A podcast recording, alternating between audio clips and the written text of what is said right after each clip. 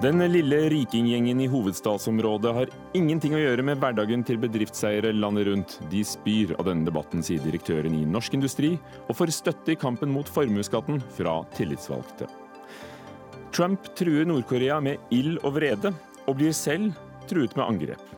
Er det en kamp om våpen eller ord? Søsteren til forfatter Vigdis Hjorth gir ut romanen med sin versjon av historien hun skildret i bestselgeren 'Arv og miljø'. Folk må snart skjønne forskjellen mellom kunst og virkelighet, sier en annen forfatter, nemlig Erik Fossnes Hansen.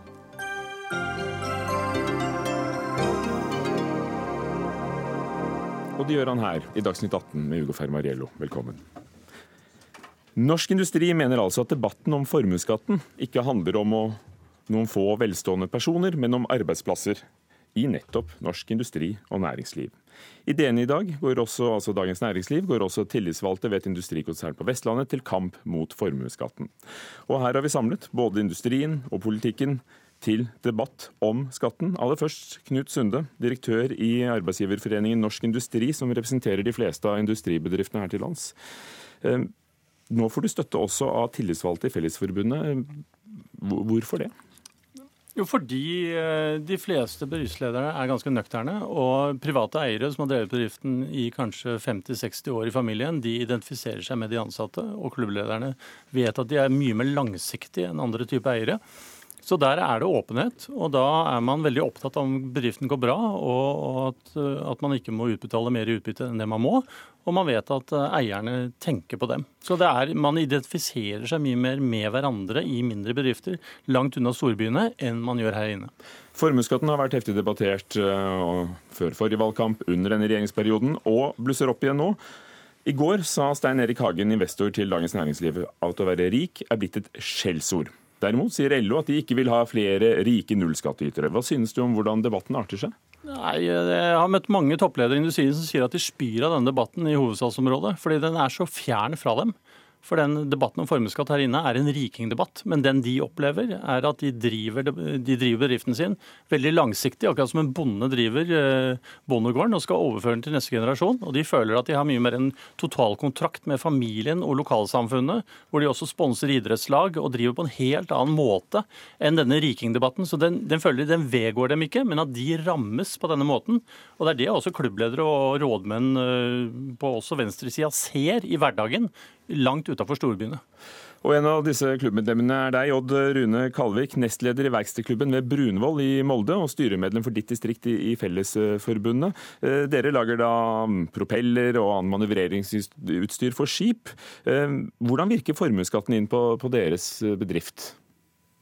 Eh, formuesskatten på bedriften vår virker jo inn på den måten at det blir grunnleggende urettferdig om at vi får ei i utgangspunktet urettferdig konkurransevridning mot våre konkurrenter. Eh, de slipper jo den eh, formuesskatten, de som er, er fra, med utenlandske eierskap. Og En av de konkurrentene er jo da Rolls-Royce, og som det ligger i navnet er de ikke norske. I fjor tok eierne av Brunvoll ut 6 millioner i utbytte for å betale formuesskatt, eh, og det i et år hvor det gikk dårlig. Hvordan merker dine medlemmer, deres medlemmer dette i Fellesforbundet? Vi merker jo på den måten at, eh, at det er jo midler vi kunne ha brukt for å enten beholde arbeidsplasser, eh, mindre, mindre folk ute i permisjon eller eh, en mindre permitteringsgrad. Men det var på en måte kanskje det eneste midlene vi kunne ha sittet igjen med som, som investeringer da, i nytt maskineri og nytt utstyr for å, for å holde, holde oss et hestehode foran konkurrentene. Midler som altså kunne vært investert i nytt utstyr og gitt uh, en konkurransekraft overfor konkurrenter. Jeg gjentar litt, for den linjen er så, så tynn og spinkel uh, helt uh, til Molde. Men, men siste spørsmål, hva tror du er løsningen på denne skatteproblematikken? Løsningen for min del først og fremst i hvert fall å få et skille. Formuesskatt og skatt på arbeidende kapital. Jeg er jo ikke uenig i at de størst formue her i landet skal, skal betale til velferdsstaten. Men jeg syns det blir urettferdig overfor for de privateide små og mellomstore bedriftene i landet som, eh, som ombler den samme skatten uansett om det går bra eller dårlig. Og jeg vet at uh, Odd Rune Kalvik. er ikke uenig. Takk skal du ha, Odd Rune Kalvik, nestleder ved Verkstedklubben ved Brunvoll altså, og med i Fellesforbundet. Um, ja, Marte Gerhardsen, leder for Tankesmien Agenda. Urettferdig, for det gir et konkurransefortrinn til de med utenlandske eiere. Det er arbeidsplassene går utover fra en bedrift hvor de et dårlig år måtte tas ut midler som de kunne trengt. Det som er med De kuttene som har vært gjennomført i formuesskatten til nå, er jo at de har vært ekstremt lite treffsikre. Eh, nesten alle kuttene, altså gevinsten av det, har jo gått til Oslo vest og Bærum, i veldig liten grad til Vestlandet og, og utover i landet. Halvparten av de som betaler formuesskatt, er jo pensjonister. Så hvis vi skal hjelpe bedrifter på Vestlandet og rundt, i, rundt omkring i Norge, så er det å kutte i formuesskatten en utrolig lite treffsikker måte å gjøre det på. Og så syns jeg også det er litt rart Men før du går videre i argumentasjonen, gjør det inntrykk på deg å høre, for det er jo ø, oppsiktsvekkende at ø, tillitsvalgte ved en bedrift, et stort industrikonsern faktisk, går ut og, og forsvare kutt i formuesskatten? Altså Det som er veldig vanlig i Norge, og der støtter jeg det Sundby sa tidligere i stad, er jo at vi i Norge har en ganske unik eh, kultur på norske bedrifter over hele landet, med et veldig tett samarbeid mellom ledelse og tillitsvalgte. Og det er noe av det vi er veldig stolte over, det vi kaller den norske modellen. Det at tillitsvalgte eller ansatte føler et sterkt eierskap eh, og sterkt engasjement på bedriften sin. Så det skjønner jeg veldig godt, og jeg støtter selvfølgelig det. Men skal man hjelpe bedriftene til å klare seg gjennom dårlige tider, så er det veldig rart å gå løs på formuesskatten, som faktisk betyr ganske lite. Eh, og Det er altså så, det finnes ikke noe faglig grunnlag, det finnes ikke noe empirisk grunnlag for at det er det som er det smarteste å gjøre. Blant annet så ble jo analysebyrået Menon fikk jo oppdrag av Finansdepartementet å se på hvordan skal vi hjelpe bedriftene mest effektivt. Og Da sier de jo at kutt i, i selskapsskatten er åtte ganger mer effektivt enn å kutte i formuesskatten. Så det å kutte i formuesskatten har da så langt først og fremst kommet de aller rikeste til gode, i mye mindre grad de bedriftene som, som vi her hører om. Og det er andre ting vi må gjøre som er mye mer treffsikkert. Knut Sunde, du rister på hodet. Ja, for det Gerhardsen sier er bare tull. Det er klart at de, de, kuttene som har vært, de har truffet alle, både rike og disse hverdagsprislederne, som er mange av. Det som gjør dette ekstra ille i år, er at veldig mye av industrien har tatt del i oljerikdommen. Og så kommer smellen i oljemarkedet.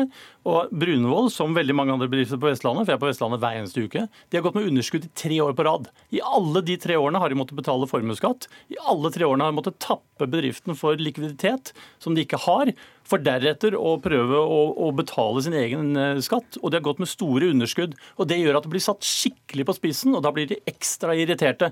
Og Da blir det bare sånn generelt vås å si at det lille som har vært gjort, har vært bare rikingene. Det er tull. Det er jo helt horisontalt. Den har truffet alle. Men det er fremdeles oppleves veldig urettferdig. Gerhardsen, hva ville hjulpet da? For du sier at formuesskatten og, og justere den ikke er treffsikkert. Hva ville vært treffsikkert i Nei, en situasjon som denne? Det vi kan gjøre selvfølgelig med formuesskatten, vi kan se på på innslagspunktet. Vi kan se på satsen, men det å bare fjerne den og kutte den sånn som regjeringen har gjort, det er ikke treffsikkert. Og så er det, tenker Eller er problemet at de ikke har kuttet den nok? Ja, De har jo kuttet mye, og som da som sagt, og det må vi jo alle her i panelet være enig i. Det har først og fremst gått til rike personer. Er de som har fått de store, eh, store summene, er jo de som er de aller rikeste blant oss. Eh, og så har de i mindre grad truffet selvfølgelig sånne bedrifter som Brunvoll.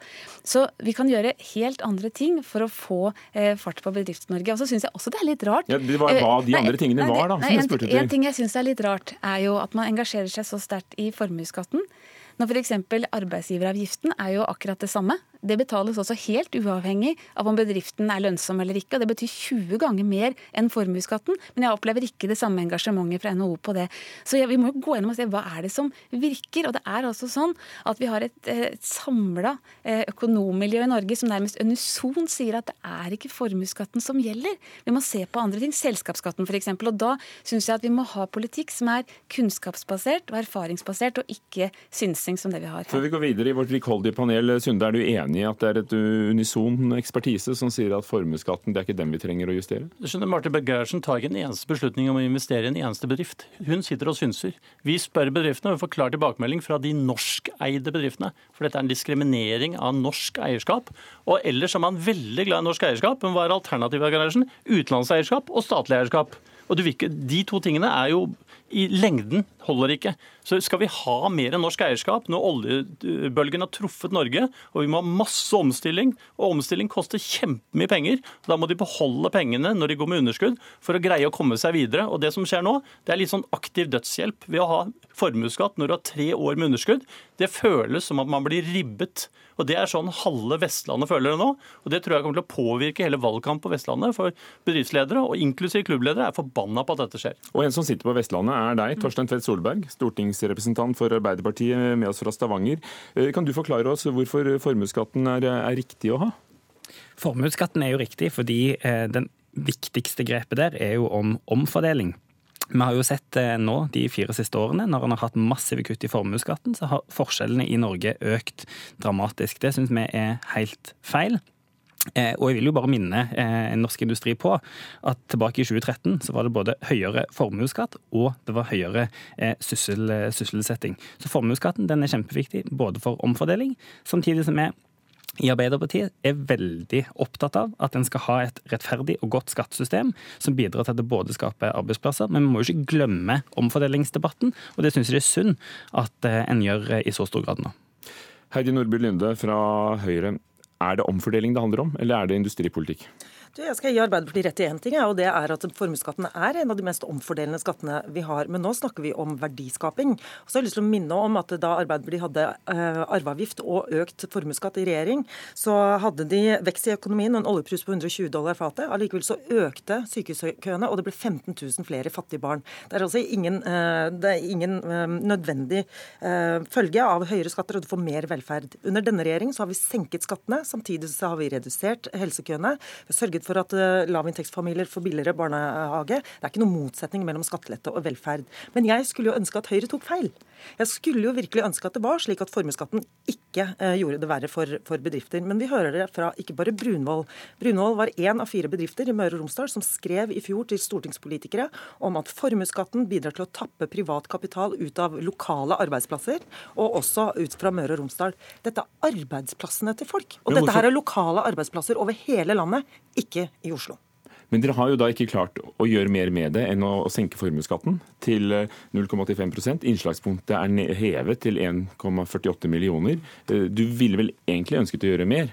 Jeg skulle absolutt ønsket å gjøre mer. Og vi har jo gjort som Marte Gerhardsen var inne på. Vi har jo både redusert innslagspunktet, nettopp fordi at vi vet at det er det som hjelper i de familieeide bedriftene rundt omkring i landet. Så har vi også økt eh, bunnfradraget, fordi det er det som hjelper pensjonistene, som urettferdig har måttet betale en ekstraskatt på penger som de allerede har betalt skatt av. Så vi gjør begge deler, og jeg skulle gjerne sett at vi fikk gjort mer for å eh, bidra til mer verdiskaping og trygge norske arbeidsplasser. Marte Gerhardsen, bør vi skille mellom dette med eh, arbeidende kapital og, og generelt formue, altså verdien på hele selskapet, hvor det da også i praksis betales skatt for maskiner, utstyr, lokaler osv.?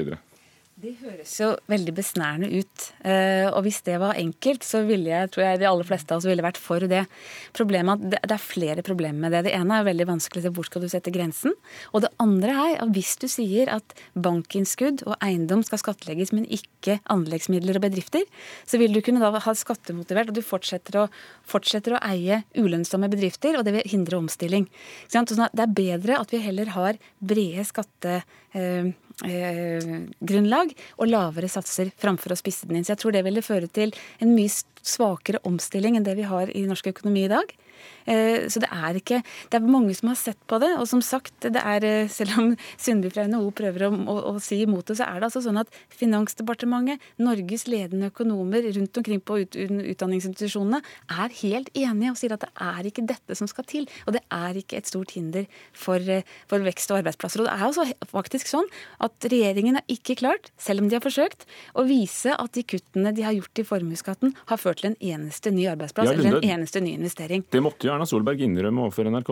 At hun kunne ikke peke på det. Ja, men Marte Gerhardsen er jo smart nok til å vite at langsiktige virkninger av eh, industripolitikk ikke nødvendigvis gir en ny arbeidsplass i morgen. I går så fikk vi undersøkelsen fra NHO som viste at fire av fem bedriftsledere sier at de ville ansatt flere dersom vi reduserte eller fjernet formuesskatten. Jeg syns det er verdt å lytte til de som faktisk har skoa på. Og vi har bedrift etter bedrift som står fram. Jeg har lesebrev her med 35 eh, bedrifter på Vestlandet som har signert. Vi har de fire bedriftene fra Møre og Romsdal en av dem som du snakket med i dag. Én ting er hvilke virkninger dette her har på makroøkonomisk nivå, men når du kommer ned i bedriften, så gjør det en forskjell om du faktisk må ta, tappe bedriften for verdier for å betale en skatt som forfaller uansett om du går med overskudd eller underskudd, eh, istedenfor å kunne prioritere de pengene til å investere i bedriften og skape arbeidsplasser. Og Torstein Tvedt Solberg, uansett hvor mye du ville likt å hatt disse skatteinntektene til da omfordeling, eh, Kommer du unna det at dette har en negativ effekt for bedriftene? Hvordan vil du møte den negative effekten, du, Arbeiderpartiet? Nei, Arbeiderpartiet er jo veldig opptatt av at vi skal ha et, en god helhet i skattesystemet. Vi har jo ikke vært fremmed for å gjøre nødvendige grep for at det skattesystemet skal bli enda bedre, til og med på formuesskatten. Det var Stoltenberg, som i sin tid økte bunnfradraget til over millionen. og Det har en eh, fortsatt å, å, konsentrere seg om. Og nå Senest i skatteforliket i, i, Stortinget så var det Arbeiderpartiet som tok til orde for at en skulle ha lik verdifastsetting, sånn at den eh, urettferdigheten som har vært i veldig mange år, at den nå er, er falt bort. Men det gjelder jo vanlige mennesker. altså For en bedriftseier snakker vi jo da om helt andre størrelser. Nei, Det er jeg egentlig litt eh, uenig i. Og jeg syns det er merkelig òg når jeg hører på den argumentasjonen som, eh, som, Høyre har. For hvis en virkelig hadde vært opptatt av disse problemstillingene som vi i dag diskuterer, så skulle en jo tro at Høyre de siste årene hadde konsentrert seg om å diskutere og sette opp innslagspunktet, altså bunnfradraget. En har heller ønska å gi generelle skattekutt til de aller aller rikeste, til sine egne rike onkler, enn å egentlig være opptatt av bedriftene på, på Vestlandet. Nei, det er ikke billig i det hele tatt. For her på Vestlandet og, eh, og Nei, de eh, store summene i de skattekuttene dere har gitt, har ikke gått til det. En har konsentrert seg om å gi generelle skattekutt, som i all hovedsak har gått til de aller, aller rikeste i Norge. Og Det syns jeg rimer veldig dårlig, når en i dag ønsker seg at, eh, at lederne skal vise moderasjon, samtidig som arbeidstakerne over hele Norge gjennom denne oljekrisen har vist eh, en stor eh, lønnsmoderasjon, så syns jeg dette rimer veldig, veldig dårlig. Lunde, replikk til det. Ja, altså, de, Vi vet jo fortsatt at de 10% med høyest inntekt i Norge betaler 38 av eh, all personbeskatning. Hvis vi hadde redusert formuesskatten helt uten eh, noen hensyn, så hadde de fortsatt betalt 37,4% De med de bredeste skuldrene skal bære den tyngste børen, og det gjør de.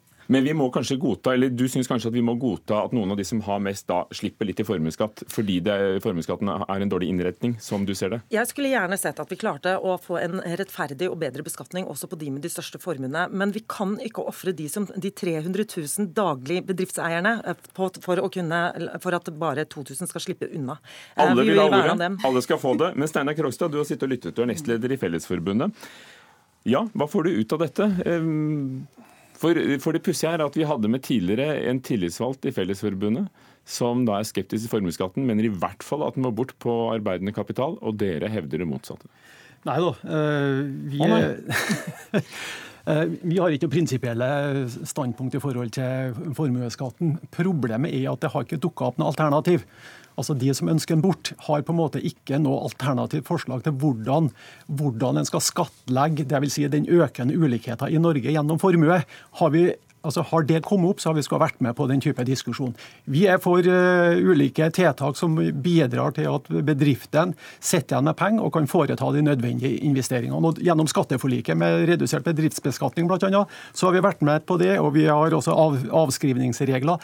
Men de to tingene her må henge sammen. Altså Vi kan ikke være med på å bare fjerne en skatt og samtidig ikke ha noe mottiltak i forhold til den økende formuesulikheten her i landet. Det er dilemmaet vårt. Dere er nå et LO-forbund som har gitt støtte til Arbeiderpartiet, og som går til valg på 15 milliarder kroner i mer skatte. Så det må være det dere er mest enig i da, i politikken? Nei, altså, Vi er enig i det inntil at det er noen andre alternativer som vi kan begynne å diskutere. Eh, og Gjerne det hvis at du kunne ha klart altså skilt formue på inntekt og arbeidende kapital, men det har vist seg veldig vanskelig. Det sier jo de skatteekspertene som har, har kikka på dette. Men eh, vi, vår oppfordring er nok at dette er en type skatt som er mer irriterende enn den er avgjørende for bedriftene. Knut Sunde, irriterende, men ikke avgjørende for dine medlemmer? Irriterende og avgjørende fordi vi er en voldsom omstillingspress langs hele Vestlandet som omstiller seg delvis bort fra olje og mot mye annet, og det er dyrt. Det er Vestlandet, men resten av landet? Ja, det er store deler av landet, men særlig på Vestlandet. Og det tror jeg politikken vil merke nå.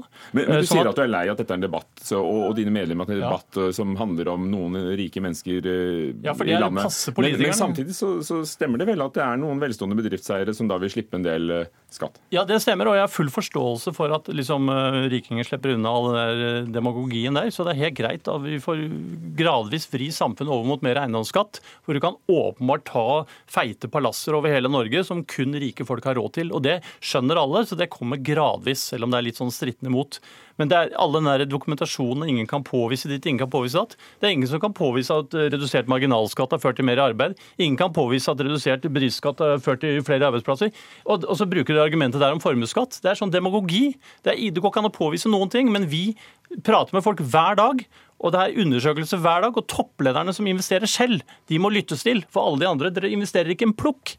Og den undersøkelsen NHO la frem i går, viste altså at halvparten av bedriftseierne sier at uten formuesskatt vil vi ansatt flere, og ni av ti sier i hvert fall at problemet er skatt på arbeidende kapital. Marte Gerhardsen. Og Det er jo litt sånn vanskelig med sånne undersøkelser når du spør eh, syns det hadde vært bra om dere betalte mindre skatt. Jeg tror de aller fleste av oss ville sagt ja, det hadde egentlig vært greit. Det var, det, det var jo om, om, det ville vært bedre for bedriften å ikke betale formuesskatt. Nei, du må lese det, som, det som er viktig, er jo at alle skatter har negative effekter. Ja. Ikke sant? Alle skatter har negative effekter, men så er det også veldig negativt hvis vi ikke har råd til å betale infrastruktur, rettsvesen, velferdsstat. Derfor er vi enige om at vi er nødt til å ta inn noen skatter. Her kom det et forslag. Eiendomsskatt. ja, jeg tror det er helt, helt riktig vei å gå.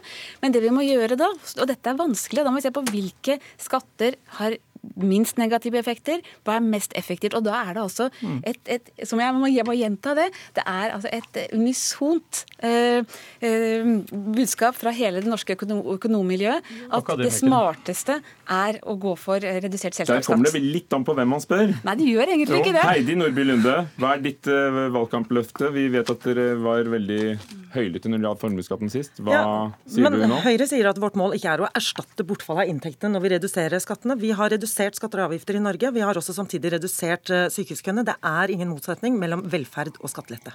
Men hvor langt vil det gå i å gi bedriftene det de ber om? Jeg personlig kjempa igjennom på landsmøtet at vi skulle redusere for på sikt å fjerne formuesskatten, og vi begynner med arbeidende kapital. Og vi fikk vel vite hva dere alle ville nå. Takk skal dere ha, alle sammen. Torstein Tvedt Solberg fra Arbeiderpartiet, med fra Stavanger. Heidi Nordby Lunde fra Høyre. Marte Gerhardsen um, i Agenda. Steinar Krogstad i Fellesforbundet og Knut Sunde i Norsk Industri. Litt av en gjeng. Dagsnytt 18 alle hverdager kl 18.00 på NRK P2 og NRK2.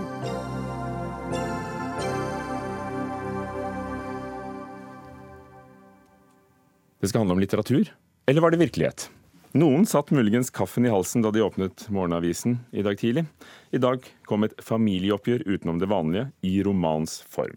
I boken Fri vilje tar Helga Hjort et oppgjør med søsteren, forfatter Vigdis Hjort, og det hun skrev om i boken Arv og miljø, en bestselger som kom i fjor. Jeg ble sjokkert og handlingslammet, forteller Helga Hjort til Aftenposten etter å ha lest søsterens bok, der Vigdis Hjort skriver om incest, sine søsken og et vondt arveoppgjør. Vi har selvfølgelig spurt begge forfatterne, både, både Helga og Vigdis Hjort, om å komme, men det kunne de ikke. Eh, forlagssjef i Kagge Forlag, det er dere som utgir Fri vilje av Helga Hjort. Hvorfor har dere valgt å gi den ut? Eh, vi har valgt å gi ut denne boka etter at eh, Helga Hjort tok kontakt med oss i det var juni, tror jeg det var, mai-juni i 2016, eh, før Vigdis Hjorth eh, ga ut 'Arv og miljø'. Da visste Helga at denne boka skulle komme, og hun ville gi sin versjon av denne historien. Så tok hun kontakt med oss, og så var vi eh, lyttet til hva hun sa. Og så ba vi henne om å skrive litt, og så skulle vi se på det. Og så kom hun tilbake med en tekst som vi syntes var god. Og etter det så begynte vi å jobbe med denne teksten. Hun er en dedikert og målretta debutant som har jobba veldig, veldig godt med denne boka. Og da var det lett for oss etter hvert å si ja takk, denne har vi veldig lyst til å gi ut. Hun forteller til Aftenposten i dag at eh, da Arv og miljø kom ut, så følte hun seg utenkt. Det gjorde også resten av familien. Og hun funderte på om hun skulle skrive en kronikk, eh, reise sak, hva hun skulle gjøre. Og bestemte seg, som den juristen hun er, at en sak det ville ikke føre noen vei. Men hun gikk på et skrivekurs og ga ut bok. Men det står jo at det er en roman. Og det står det også om Vigdis Hjorts bok. Så hva er det? Det er en roman. Og dette her er en roman, altså det er en skjønnlitterær tekst som da svarer på en annen skjønnlitterær tekst, altså arv og miljø, og som vi da utgir som en roman, og som eh, er, er Ja, det er det prosjektets eh, verdi. Men, men, du skjønner at det pirrer den offentlige nysgjerrigheten nettopp fordi det også er en familiehistorie ja, ja, ja, knyttet til en kjent forfatter? Ja, ja, men jeg har ikke noe problem med å forstå disse tingene her. Men det som er viktig for eh, oss å, å bidra med i denne debatten, da, det er at dette er, dette er første gangen en levende uh, modell i en, i en roman da uh, tar til motmæle og forteller sin historie. Uh, og bruker på mange måter de samme virkemidlene. Da. Vi har heller ikke sagt her hva, hva, som er sant og hva som ikke er sant, men at det er uh, knytta sterkt opp mot uh, virkeligheten. Det er én sannhet. Hadde du noen betenkeligheter? Uh, nei, altså betenkeligheter. Vi diskuterte jo prosjektet nøye. Vi, så, vi hadde masse litterære eller redaksjonelle vurderinger, men også en rekke etiske vurderinger. Og når vi da har kommet fram med dette resultatet som Fri vilje har blitt, så står vi fjellstøtt i at dette her er en god roman, som jeg er helt overbevist om at når folk får lest denne boka Nå har det vært veldig mye buzz, det er mye diskusjoner, det er mye greier. Men når de får lest denne boka og kan gjøre opp sin egen mening, så er jeg helt 100% sikker på at de kommer til å like det de leser. Takk skal du ha, Anne Gotthaug, forlagssjef i Kagge forlag. Du skal ikke være med videre, men vi har en gjeng både forfattere og kommentatorer som skal. Jeg kan nevne i forbifarten at denne boken blir anmeldt i NRK og NRK P2 eh, i morgen, bl.a. i Studio 2. Det var Aftenposten som hadde dette hovedoppslaget i dag, faktisk på førstesiden. Eh, og Ingunn Økeland er kommentator og hovedanmelder i avisen, og var med på åpne hele debatten om skillet mellom hva som er virkelig og hva som er litteratur, etter at Vigdis Hjorth utga boken 'Arv og miljø'. Og nå har denne debatten fått en ny, tatt en ny vending. Og hvilken vending har det tatt, Ingunn Økeland? Det er jo veldig spesielt da, at eh, en nå for første gang får en sånn fullformats fremstilling av hvordan det oppleves for en familie å føle seg forfulgt av en skjønnlitterær forfatter. Um, så er jo dette også en utgivelse som på en måte bekrefter at den debatten Aftenposten dro i gang i fjor eh, høst, eh, var berettiget. Eh, Aftenposten fikk jo mye kritikk. Dette ble sagt å være en unødvendig debatt. Men når denne boken nå til Helga gjort foreligger, så tror jeg at de aller fleste vil se at det er et større bilde her, og at denne familien har hatt et sterkt behov for også å gi sin versjon. Det er jo ikke et nytt fenomen med nøkkelromaner. Hvis du tenker på Agnar Mykle og sangen om Røde Rubin, eller uh, Christian Oda Krog, eller uh, andre eksempler fra litteraturen. Ja, F.eks. bestselgeren Karl Ove Knausgård.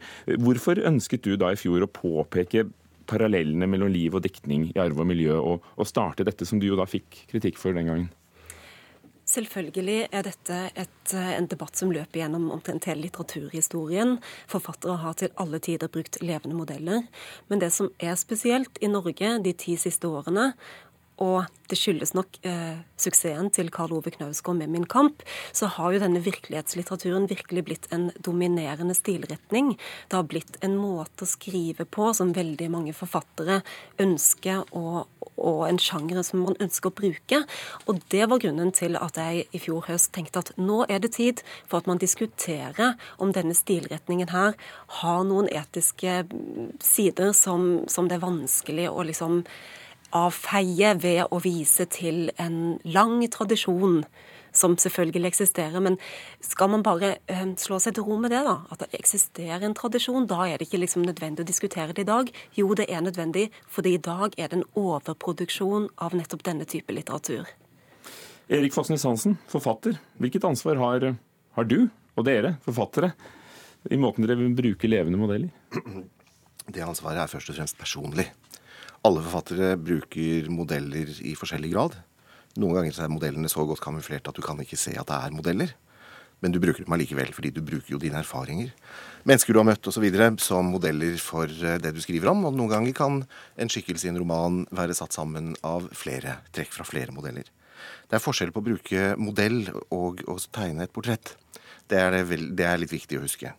Men det er klart at noen eh, noen skildringer kan ligge veldig nær en virkelighet i en roman, og andre kan ligge fjernere fra.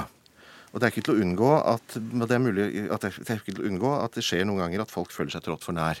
Som føler at de har blitt brukt som modell, og at dette er ikke en rimelig fremstilling av hvordan det var. Og litteraturens svar på det er jo alltid at jo, men dette er ikke virkeligheten. Dette er en roman. Dette er en helt subjektivt farget og eh, formet eh, opplevelse. Det er et kunstverk. Eh, og eh, ytringsfriheten gir ganske vide rammer for eh, kunstverkets eh, eh hva skal vi si, eh, muligheter. Men på det personlige plan kan det selvfølgelig oppstå vanskeligheter allikevel. Og man skal selvfølgelig gå forsiktig frem, men jeg tror vel at Hva, hva eh, syns du om, om dette mottrekket da, fra en som da skriver sin versjon av de samme Ja, hendelsene? For i Arvor-miljø så ble det jo påvist at det var dialoger, begravelsesprogrammet, tale fra begravelser. altså det, det er mange romaner hvor det finnes trekk fra virkeligheten. Jeg syns det var litt urettferdig i fjor å trekke frem spesielt Vigdis Hjorth som eksempel på virkelighetslitteraturen, for det finnes andre mer eklatante eksempler på det. Men vi skal, ikke, vi skal la den debatten den, den hadde vi i fjor. Jeg har ikke rukket å lese Helga Hjorths eh, bok av dagen. Det har de færreste gjort. Så jeg kan ikke si så mye om den. Men jeg er litt bekymret for at dette skal bli en jeg vet ikke om dette fører så mye nytt til det, egentlig. Jeg syns det, er det er et spennende grep, det kan jeg si. At man får et svar i romans form på en roman. Men jeg frykter vel kanskje at dette fort kan komme til å bli privat på en måte som egentlig ikke angår leseren eller publikummet. For publikum vil ikke være så opptatt av hvor sant er dette, eller hvor usant er dette. Ingunn Nøkkeland, blir det, blir det god litteratur av det? I dette tilfellet f.eks.? Nå er Helga Hjort eh, litterær debutant, og jeg vil si at boken er middels god. Men jeg vil også si at dette er en bok der den litterære kvaliteten slett ikke er det viktigste. Altså For denne familien og for Helga Hjort er det jo det å skrive en forsvarstale, ta til motmæle, gi klar beskjed om at forfatter Altså at denne familien har en helt annen versjon enn forfatteren Vigdis Hjort. Men til det du sier om at det vil jo alltid liksom bli en roman. Altså Selvfølgelig er det sånn at enhver litterær bearbeiding av et materiale innebærer så mange subjektive, kunstneriske valg underveis at forfatteren til slutt kan si ja, men dette her er jo mitt verk, dette er noe unikt, dette er noe eget. Men det er jo det som er spesielt med virkelighetslitteraturen som stilretning, at man nettopp har ønsket å nedtone fiksjonalisering, bruk av fantasi, bruk av fabulering, og nettopp bruke virkeligheten mer rått. Og vise frem at disse menneskene her, som jeg bruker i min roman, de, disse karakterene vil forfatteren på en måte nesten understreke at også finnes i virkeligheten. Og dermed så får en jo mindre av den estetiske selvstendigheten som mange verk, og i hvert fall hvis de er gode, gode kunstneriske verk, har, da. Skjønner hva du mener, men, men jeg syns ikke Men igjen, altså, vi skal ikke ta fjorårets debatt en gang til her. Men jeg syns ikke Jeg syns det var jeg syns ikke Vigdis Hjorth går lenger enn mange forfattere i norsk litteratur helt siden 50- og 40-tallet har gjort. Altså, Jeg syns ikke hun egentlig er en representativ eksponent for det du kaller virkelighetslitteraturen.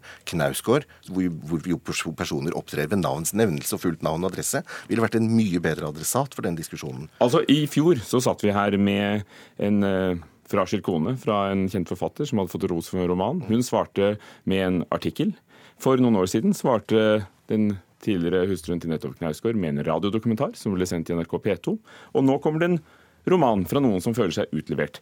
Per Danielsen, du er advokat og representerte bl.a. bokhandleren i Kabul som mente seg uttenkt i Åsne Seierstads bøker. Svarer de på riktig vis, eller kunne de også gått til sak? Altså, Når det gjelder grensene her, så er det jo enkelte i forlagsverdenen som tror at ikke de samme rettsreglene gjelder for bøker og det som kalles romaner, som for alt annet som publiseres i Norge. Det være om det er avisartikler, om det er innslag i NRK, om det er på Facebook osv. Overalt er det de samme rettsreglene. Så når Fosnes Hansen liksom tror, synes å tro, at her er det et slags rettstomt rom, bare man kaller det en roman, og, og, og, og så, så sier han samtidig at man har et personlig ansvar, men hvis jeg forstår han igjen riktig, så mener han at ytringsfriheten er så vid at det ikke finnes grenser. Ja, hva mener du? Ville du tatt denne saken for Helga Hjort hvis hun ikke hadde valgt skrivekurs og bli debutant? Det, det jeg kan si, det er at uh, ut fra det som står i Aftenposten i dag, f.eks., som er veldig greit beskrevet, så inneholder jo den boken til Vigdis Hjorth den inneholder beskyldninger mot en avdød person, nemlig faren til begge søstrene, om at han skal ha begått eh, incest mot Vigdis. Og etter gjeldende rett så beskyttes til og med avdøde personer av rettsreglene våre. i skadeserstatningsloven. Du skal få ordet. Jo, du skal få ordet, men du må vente. Og det er f.eks. en veldig grov beskyldning som opplagt er ærekrenkende, og som den øvrige familie og etterlatte kan igangsette rettssak på hvis man vil. Men det er opp til hver enkelt. Jeg bare påpeker at reglene er sånn. Det finnes, det er ikke et tomt rom i lovverket. Nettopp. Fosnes Hansen. jeg, jeg må uh, uten å gjøre meg til talsmann for Vigdis Hjorth, så må jeg få lov til å arrestere advokaten. Det er altså ikke sånn at Vigdis Hjorts far ved navns nevnelse i boken blir beskyldt for noen ting. Det, personen i boken heter noe annet. Mm. Boken kaller seg for en roman, altså for en fiksjon. Det er det, jeg, et øyeblikk, det er, jeg er ikke ferdig med resonnementet. Det er det ene. Det andre er jo at når du sier at jeg går ut fra at det er et rettstomt rom her, det gjør jeg slett ikke. Men det er jo faktisk da sånn at du skal lete ganske med lys og lykte gjennom litteraturhistorien fra de siste 60-70 år for å finne at en skjønnlitterær tekst, eh, bortsett fra hvis den har blitt holdt for pornografisk, er på noen måte blitt rammet av den type eh, rettslig fremgang. Og det vil, eller pågang. Og det vil altså da si at at det finnes, det finnes, ingen rettspraksis for dette her som du, kan, som du kan påberope deg og se at ja, men slik er det. Jeg har, jeg har noe mye bedre, og det er selve lovteksten. Der står det trykkelig hvis man fremsetter noe som er egnet til å krenke, ære, krenke andres ære eller skade omdømmet. Og hvis retten mener at det er tilfellet i f.eks. Vigdis Hjorts bok, så er det en overtredelse av gjeldende rett. Kristen Einarsson, administrerende direktør i Forleggerforeningen. Hvilket ansvar har eh, forleggere når dere gir ut bok? Har dere et etisk ansvar? Selv om det heter roman, altså? Ja, vi, eh, vi, har uh, veldig klart for oss, uh, og jeg syns det fremgikk av det Anne Gåthaug sa innledningsvis. Et forlag bidrar i prosessen mot en utgivelse i den litterære kvalitetsutvikling. Man bidrar i en gjennomgang av etiske spørsmål, og man Eh, en del ganger også gjør juridiske vurderinger. Eh, per Danielsen er ikke særlig oppdatert på hvordan forlagsvirksomhet drives i Norge. Man har eh, i høyeste grad de juridiske spørsmålene også under huden. Og I foreningen har vi jo drøftet dette veldig grundig. og For noen år siden så laget vi et notat som heter 'Ytringsfrihet, ansvar og etikk', hvor vi behandler alle disse tre spørsmålene. I tillegg til det, og det finnes på vår hjemmeside, vi kan godt snakke litt mer om innholdet etterpå. Og I tillegg så arrangerer vi jevnlige arrangementer hvor vi nettopp drøfter utfordringene som ligger i eh, forleggeriet. Og Når det gjelder det etiske spørsmålet, så ligger kjernen på mange måter i forleggeriet i å sikre ytringsfriheten mot de etiske grensene.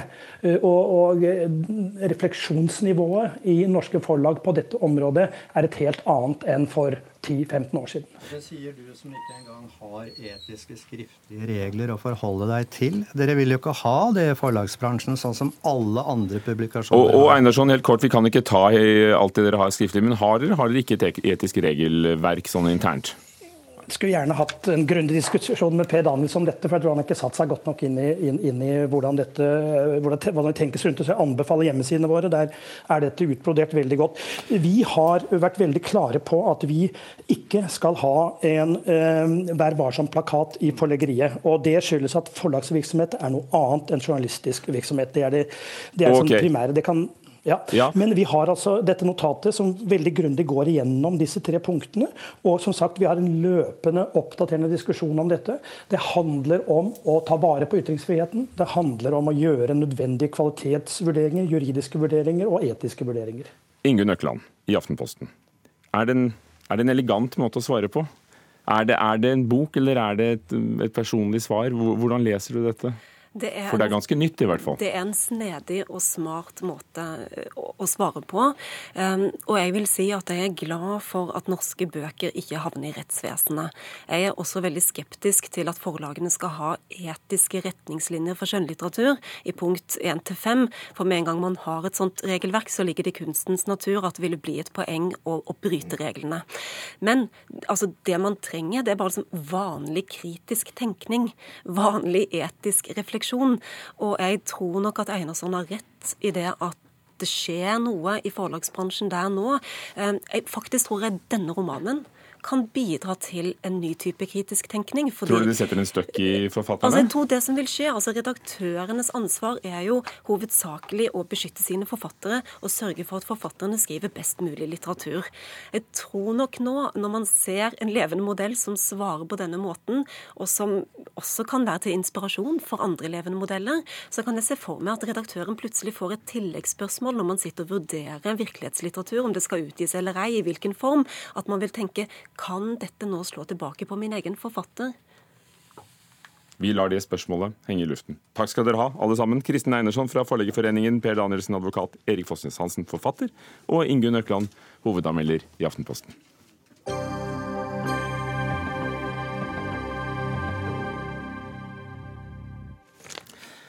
Det er som om det var Nord-Koreas propagandaavdeling som selv skulle ha skrevet manuset. USAs eh, president Donald Trump fyrte løs mot regimet i Pyongyang da det ble kjent at det amerikanske myndigheter mistenker at Nord-Korea har stridshoder små nok til å settes på raketter som kan nå USA. They will be met with fire, fury, and frankly power, the likes of which this world has never seen before. De vil bli møtt med ild og vrede på en måte denne verden aldri har sett før. Donald Trump i går, og siden har da Nord-Korea svart med at vi skal se på gamle planer om å angripe USA, og da denne øygruppen Guam i Stillehavet. Tove Bjørgaas, vår korrespondent i Washington DC. Det er en ny type, ny type tale fra USAs presidenter. Hvordan blir det mottatt på hjemmebane? Ja, det blir mottatt eh, på ulike måter, men selv folk nokså nært presidenten kaller dette for en improvisert reaksjon. Eh, og det er jo litt spesielt at en amerikansk president bruker altså kommer med så sterke ord overfor Nord-Korea. Men eh, Trumps egen utenriksminister han sa i dag at, at, amerikanerne kan bare sove rolig om natten. At det Trump forsøker å gjøre her, det er å bruke det samme eh, språket som Kim Jong-un selv bruker. Fordi det nytter ikke å være avmålt og forsiktig i hvordan man ordlegger seg lenger fra amerikansk side. Men dette har altså økt spenningen mellom disse to landene de siste 24 timene. Og det er selvfølgelig veldig mange, spesielt i opposisjonen her, som mener at, at Trump pisker opp stemningen eh, unødig, og at dette eh, er farlig han, når han sier noe slikt. Ja, det har jo økt spenningen spenninger rundt omkring i verden, og er jo egnet til å skape bekymring nettopp på, på selve dagen, eh, samme dag som eh, atombomben sprang over Nagasaki i 1945 i, i, Japan. Eh, denne øygruppen Guam, som er USAs territorium, som ligger et eller annet sted mellom Hawaii og Filippinene og nærmere det siste. Hvordan er de truet av, av Nord-Korea? Guam ligger altså i Stillehavet, og ifølge eksperter her så, altså 4500 km fra Nord-Korea ligger Guam. Og ifølge eksperter her så har Nord-Korea nå eh, raketter som kan nå Guam. Så det er altså det, det amerikanske territoriet de kan klare å nå med sine våpen. Guam er en, et amerikansk territorium med 160 000 innbyggere, og der er det stor flere store amerikanske militærbaser med til sammen 6000 soldater. Eh, så slik sett eh, så er det et, eh, et, et, typisk mål for Nord-Korea hvis man skulle foreta seg noe. Men, men, men, det er selvfølgelig det alle snakker om her i dag. Og Guam har også en observatør i Kongressen her i Washington, og hun eh, sa i går at hun, hun oppfordret Trump om å opptre eh, ansvarlig, ansvarlig, her, og, og, og, og, rett og slett være forsiktig, og, krever selvfølgelig at befolkningen på Guam vil bli beskyttet. Halvor Kippe, kjernefysiker og seniorforsker ved Forsvarets forskningsinstitutt. Ja, For en drøy måned siden så sendte de missiler fra Nord-Korea som beviste at de kunne fly langt. og Nå er det altså kommet opplysninger om at de også har stridshoder små nok til å sette på dem. Hvordan vurderer du eh, disse faktaene? Ja, jeg og mange med meg har jo ment at de antagelig har hatt det ganske lenge. Det som skaper overskrifter i dag, er at det kommer fra det holdet det kommer, altså fra relativt offisielt amerikansk hold og etterretningsmiljøer. Og det gir jo på en måte en mer tyngde til de vurderingene. Men dette er jo den delen av atomprogrammet det er veldig vanskelig å vite noe veldig sikkert om. De har jo vist fram det de kaller er en slags prototype på det stridshodet de har prøvesprengt eh, de senere år. Eh, det vi litt flåsete kaller diskokula, som er ja, kanskje 60 cm i diameter eller der omkring. Og så kan det være et, eh, eventuelt et stridshode som passer til disse missilene. Da. Og, og etter det man vet, hvor langt kan disse rakettene skytes, og, og hvilken skade kan de forvolde? Altså dette Hwasong 12, som Nord-Korea nevner i dag, det mener de fleste har en teoretisk rekkevidde til å nå Guam, og det er antagelig hensikten med hele det missilet. Og da med et kjernefysisk stridshode. Nå har du jo Nord-Korea, som du jo nettopp var inne på, også testet eh, mer langtrekkende våpen, altså Hwasong 14, som eh, i utgangspunktet kan nå, nå helt til det amerikanske fastlandet. Noen nevner til og med New York, stemmer det? Det er vanskelig å si sikkert at det stemmer, eh, for dette er mye basert på målinger av missilbaner og datasimuleringer som forsøker å gjenskape de banene og andre mulige missilbaner. Men eh, det er grunn til å frykte at de missilene etter hvert vil kunne true New York ja, med, med, med kjernefysiske stridshoder.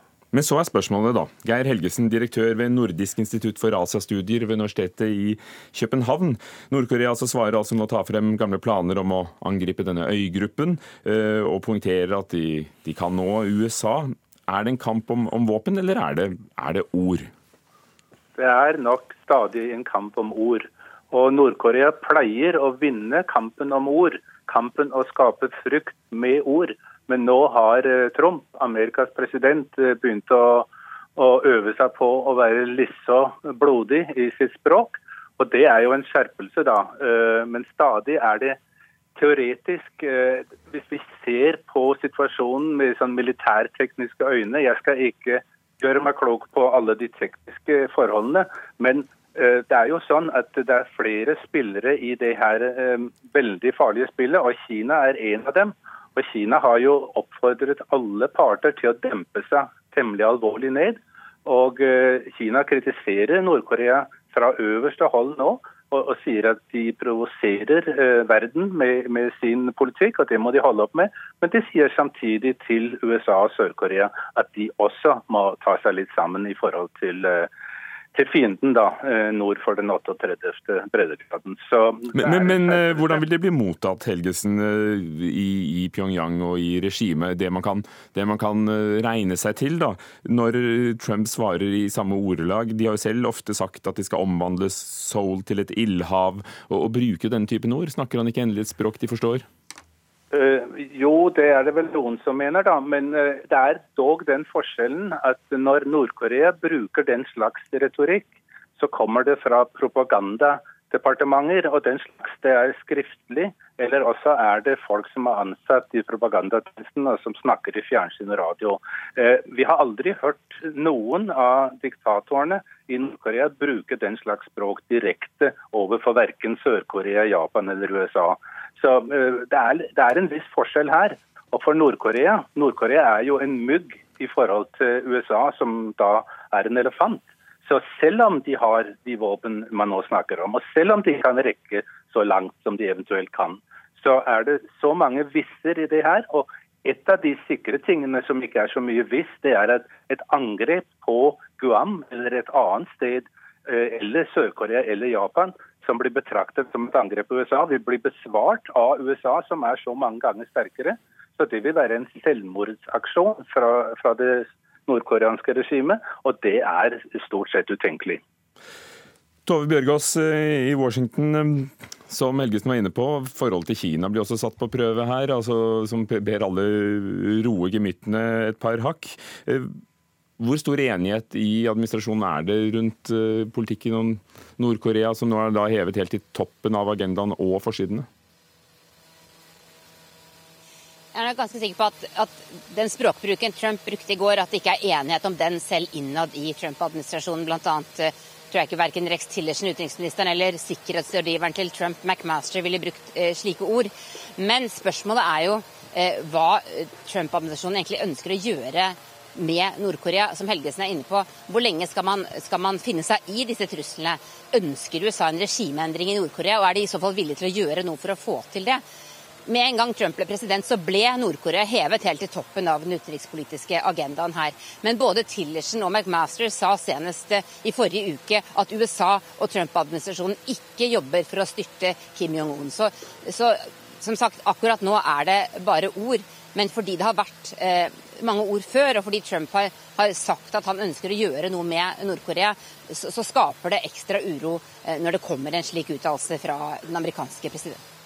Og Halvor Kippe, som For å legge tungen på vektskålen, så har jo Trump også nevnt at atomvåpenarsenalene til USA har aldri vært så moderne og sterke som nå, for det har han sørget for, sier han selv. Eh, men det ville da vært et kollektivt selvmord for Nord-Korea å USA, USA, som alle har vært inne på. Eh, og hvis USA noen gang skulle angripe Nord-Korea, så ville også Seoul og titusener av amerikanske soldater eh, også bli rammet. Ja, det er helt riktig som du sier. Det er, det er snakk om maktbalanse her. og For Nord-Korea så er det vel viktig også å kunne overbevise verden om at de, de, selv kan slå tilbake med kjernevåpen dersom de blir utsatt for aggresjon. Så, så, De ser vel på det som en slags sikkerhetsgaranti, og de sammenligner vel seg selv også litt med skjebnen til både Irak og Libya, og det har også vært nevnt Ukraina, faktisk, som hadde kjernevåpen ved Sovjetunionens oppløsning.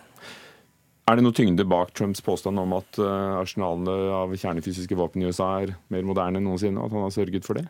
Altså Det er begrensa hva man rekker på åtte måneder som president, men de har jo hatt veldig kostbare eh, livsforlengningsprogrammer på sine operative kjernevåpen. og det, det, må man på en måte ha hvis man skal fortsette å, å ha kjernevåpen som en del av sin strategiske doktrine, for å ha det som en troverdig evne. Men det ligger jo noe bak det. Forstår, forstår dere som forsker nettopp på det militære siden av det, engstelsen? Ja, jeg prøver å minne meg selv på det i hvert fall ganske ofte. fordi vi blir kanskje litt, litt blaserte eller kyniske, vi som jobber med dette her. Men det, det, er klart at det er mye skummel ordbruk. Og, og, de fysiske konsekvensene dersom dette blir satt ut i spill, er jo helt fullstendig katastrofale, selvfølgelig. Takk skal dere ha, alle sammen. Halvor Kippe fra Forsvarets forskningsinstitutt, Geir Helgesen ved Institutt for Asiastudier i Danmark og Tove Bjørgaas i USA.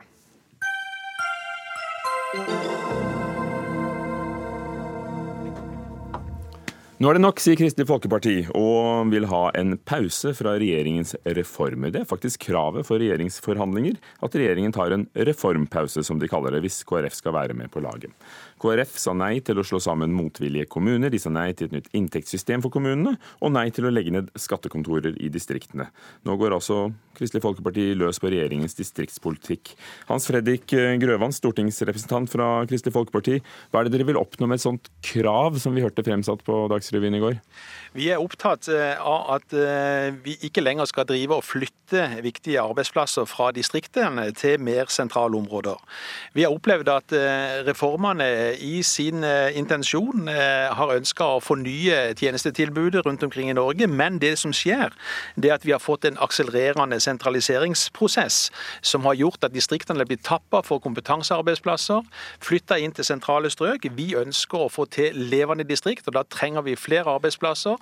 Eh, vi trenger å bidra til at de verdiene som distriktene skaper, de skal også foredles eh, der de er. Så Det er utgangspunktet for at vi nå ønsker en, eh, en endring og et annet fokus. Helge André Njåstad, stortingsrepresentant fra Fremskrittspartiet. Er det noe Kristelig Folkeparti ikke har forstått? Jeg skal jo ikke sette karakteristikker på det, men det er jo i alle fall ikke riktig at, at, vi gjennomfører reformer for å sentralisere. Det er jo snarere tvert imot. Og veldig mange av de reformene vi har gjort, har vi jo òg gjort i lag med Kristelig Folkeparti. Politireformen er et eksempel. Det handler jo om å skape mer politikraft i distriktene. Eh, kommunereformen handler om å flytte oppgaver ned til lokalsamfunnet for å la distriktene bestemme mer sjøl, og mindre blir bestemt i, i Oslo.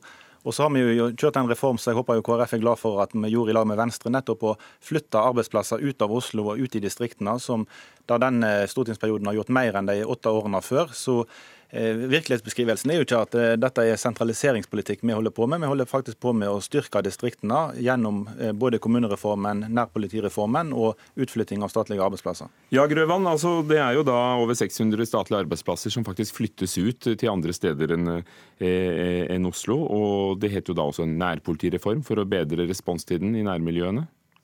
Altså Det som vi ser, eh, det er jo at konsekvensene av disse reformprosessene har bidratt til å legge ned viktige arbeidsplasser i distriktene. Selv om en nå har en intensjon om å bidra til å snu noe av dette, så ser vi at dette blir eh, altfor eh, smått. Jeg skjønner at Du kan ikke liste opp alle, men kan du nevne hva slags arbeidsplasser som du mener er blitt borte? Jeg ser f.eks. de statlige skattekontorene som er blitt sentralisert i løpet av denne perioden. Det har vært lokalsykehus som har mista viktige funksjoner. Vi har et Nav som ønsker ønsker å omorganisere ved å bygge større kontorer, og dermed mister eh, mindre kommuner arbeidsplasser osv. Så, videre. så det er en rekke områder hvor vi ser at eh, konsekvensene av reformen har blitt sentralisering, og dette ønsker vi å snu. Og Derfor har vi stilt dette som et krav, ikke bare i forhold til at vi skal drive skadebegrensning, men vi ønsker en ny politikk. Og La meg også vise til den vellykka eh, prosessen vi hadde med flytting av statlige arbeidsplasser ut i regionene når vi hadde Bondevik II-regjeringa. Da ble det flytta mellom 1000 1000 og 1200 arbeidsplasser. Eh, det viste seg å være en suksess, så her er det fullt mulig. Og jeg håper at eh, vi nå framover kan ha fokus på hvordan vi kan skape mer verdier, flere kompetansearbeidsplasser, så det skal bli attraktivt å bo i Distrikts-Norge. Ja, nå forteller jo Grøvan at det er jo når eh, de borgerlige samarbeider vi får flytta arbeidsplasser ut, og det er da vi har fokus på å la distriktene få, forklare seg sjøl. Så jeg syns ikke vi skal sitte nå og diskutere som, som om Senterpartiet sin virkelighetsbeskrivelse er riktig, for den er, er feil. Og vi har fått til masse i denne perioden. Eh, mange av de eksemplene som ble brukt på, på ting, er prosesser som har, eh, har, pågått lenge og handler om å bygge ned byråkratiet. Det som òg er viktig for distriktet, er jo at vi legger til rette for at man kan ha private arbeidsplasser i distriktet. Det er ikke kun kun definisjonen på offentlige arbeidsplasser som er nøkkel for Distrikts-Norge. Men, men, sett at du har rett i at det bygger ned byråkrati, kan det også føre til at eh, folk føler at de mister tjenester? Nav-kontoret er lenger bort, sykehuset utfører mindre enn før. At, at det blir... Sykehusene utfører jo mer enn før, og køene går ned. Eh, Men det er jo en konstant utvikling, sånn som f.eks. Posten. Jeg husker jo tidligere man protesterte i norske kommunestyrer for at man skulle ha postkontoret valgt. Eh, og eh, Senterpartiet var imot Post i butikk òg. Det ble jo bedre tjenester, men med færre offentlige ansatte. og Sånn går utviklingen. og Da handler det om å styrke distriktet. Nå kan man gå på Posten til klokka 23 i distriktene òg. Men det som er noe av problemet her, eh, Njåstad, det er jo at en del av disse offentlige arbeidsplassene som er viktige for mindre kommuner, som f.eks. disse stillingene på Nav-kontor, statlige skattekontor osv., de bidrar også til privat verdiskaping, altså verdiskaping innenfor privat sektor. Handler det om selve arbeidsplassene, eller handler det om tjenestene de har ytt? Altså, Jeg syns det er viktig både med arbeidsplassene og tjenestene. Så må en selvfølgelig være åpen for at tjenestene ikke utføres på samme måte som Njåstad riktig henviser til når det gjelder Posten over all tid. Men her må vi tenke at reformer skaper endring når det gjelder type arbeidsplasser som blir igjen i distriktene. Men, de, men dere, la oss være litt realistiske, for vi har et par minutter, og det er jo snart valg. Altså, uh, Grøvan i Kristelig Folkeparti, hvilke reformer vil dere si til hvis valgresultatet er sånn at dere kan danne regjering med Høyre, at disse må vi stoppe med? hvis vi skal komme med dere? For det første så trenger vi eh, en eh, konkret plan for hvilke statlige arbeidsplasser som skal flyttes ut av det sentrale østlandsområdet. Eh, for det andre så trenger regionreformen å få et innhold med konkrete oppgaver som også kan bidra til nye arbeidsplasser ut i regionene og ut i distriktene.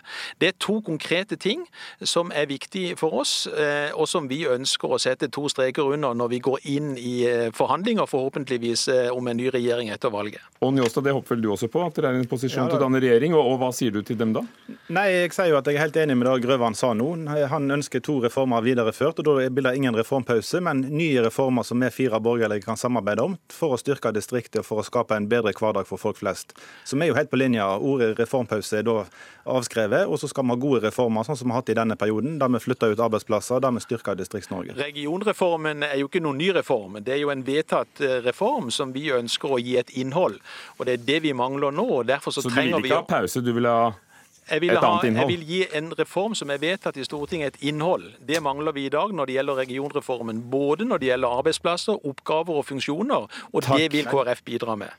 Han er jo full av innhold. Kan du ikke gi ham ordet pause, da? Nei, han må ikke få pause. Men han kan jo lese det han selv har vært med og vedtatt. Så er det en kjempereform som KrF har bidratt til. Takk. Helge André Njåstad fra Fremskrittspartiet, og takk også til Hans Fredrik Grøvan fra Kristelig Folkeparti. Ingebø Sæbu var ansvarlig for denne utgaven av Dagsnytt 18. Hilde Tosterud teknisk ansvarlig. Ugo Fermariello programleder.